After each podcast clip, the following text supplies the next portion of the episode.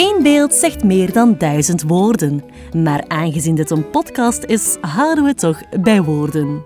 De inspiratie hiervoor ligt wel in de wonderenwereld van de beeldende kunst. Kunst spreekt, prikkelt, provoceert en doet ideeën, emoties of herinneringen ontspringen.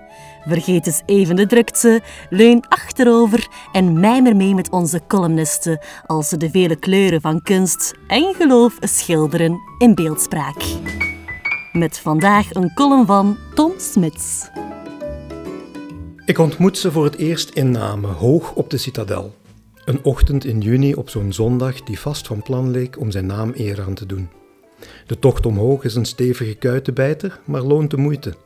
Boven wacht een prachtig uitzicht op de samenvloeiing van Samber en Maas. Licht zwetend, maar me verheugend op dat wauwmoment neem ik de laatste bocht. En daar staan ze.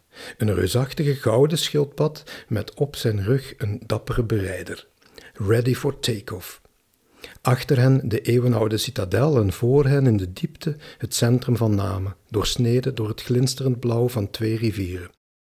Ik onderdruk de neiging om te roepen: Hé, hey, wacht, ik wil ook mee. Waar ze naartoe gaan? Ik heb geen idee, maar dat doet er absoluut niet toe. Zo'n vastberaden oerkracht straalt eruit van dat gouden reptiel. En dan die blik in de ogen van, hoe noem je iemand die op een schildpad rijdt? Vol vertrouwen in een behouden vlucht richt hij de blik naar de verte.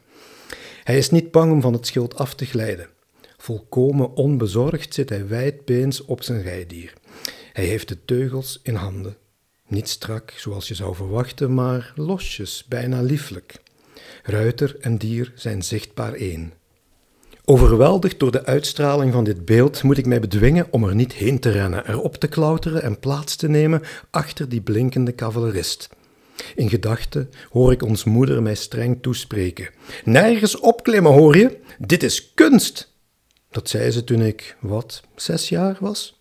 Met een hoofdletter, die grote K van kunst, die ik toen al hoorde, al kon ik nog maar amper lezen, hoor ik nog steeds.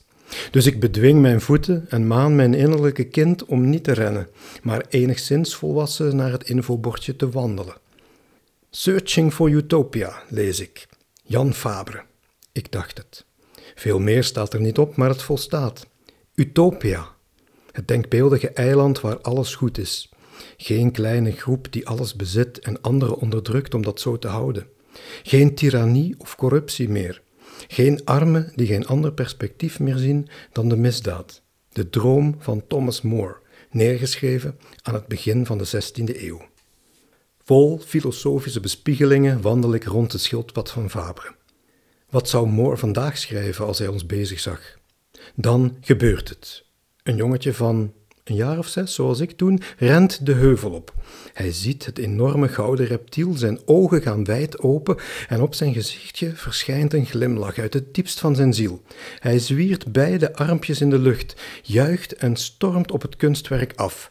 Net als hij zijn handjes uitstrekt en één voetje optilt om erop te klauteren, klinkt luid zijn naam. Antonio! Papa is boos, dat hoor je direct. Het kereltje bevriest. Heel even blijven zijn handjes nog verlangend in de lucht hangen. Dan buigt hij teleurgesteld zijn hoofdje. Zijn schoudertjes zakken af en zijn armpjes vallen slap langs zijn lichaam. Hij barst in snikken uit en werpt zich wenend in de armen van zijn vader. Het tafereel raakt me en uit mijn geheugen dwarrelt een flart van een bijbelvers omhoog en verhindert ze niet. Dat zegt Jezus tegen zijn discipelen. Goed bedoelend doen ze wat deze vader deed. Zij zien kinderen vooral als lawaaiig en storend. Daar heeft de meester heus geen tijd voor. Ik stel me zo voor dat sommige kindjes toen ook in tranen uitbarsten. We gingen toch naar Jezus, naar die man over wie iedereen het heeft? Waarom mag dat nu niet? Als Jezus hen hoort snikken, zegt hij: Leg die kinderen niets in de weg. Dan staat hij op en roept ze zelf bij zich: Kom maar. Drie jaar later sta ik opnieuw onverwacht oog in oog met de gouden schildpad en zijn dappere berijder. Zelf zit ik op de fiets, een weekendje uitwaaien aan de kust met mijn geliefde. Peddelend door Nieuwpoort rijden we een straat in die voor ons gevoel naar zee zal leiden. Honderd meter verder draait de weg en komen we op een plein dat duidelijk zichtbaar nog maar pas is aangelegd.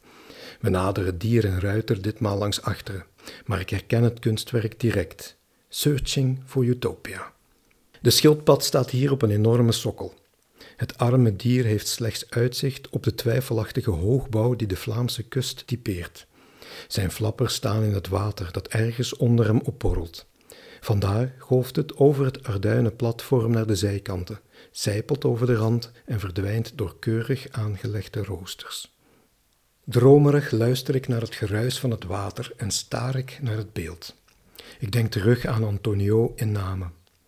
Op de rug van de schildpad zie ik nu niet Jan Fabre, maar Jezus zitten. Hij glimlacht en gebaart naar de jongen. Kom maar, klim er maar op, kom bij me zitten. Antonio draait zijn hoofdje vragend in mijn richting en kijkt me smekend aan. Ga maar, zeg ik, en weg is hij. De mensen op het Fabreplein kijken me meewarig aan. Weer zo'n rare, zie ik ze denken. Zielig hoor. Ik dacht dat ik het alleen maar in mijn hoofd riep, maar blijkbaar deed ik het ongemerkt hardop. Wat zou het ook, denk ik dan. En ik doe het nog eens.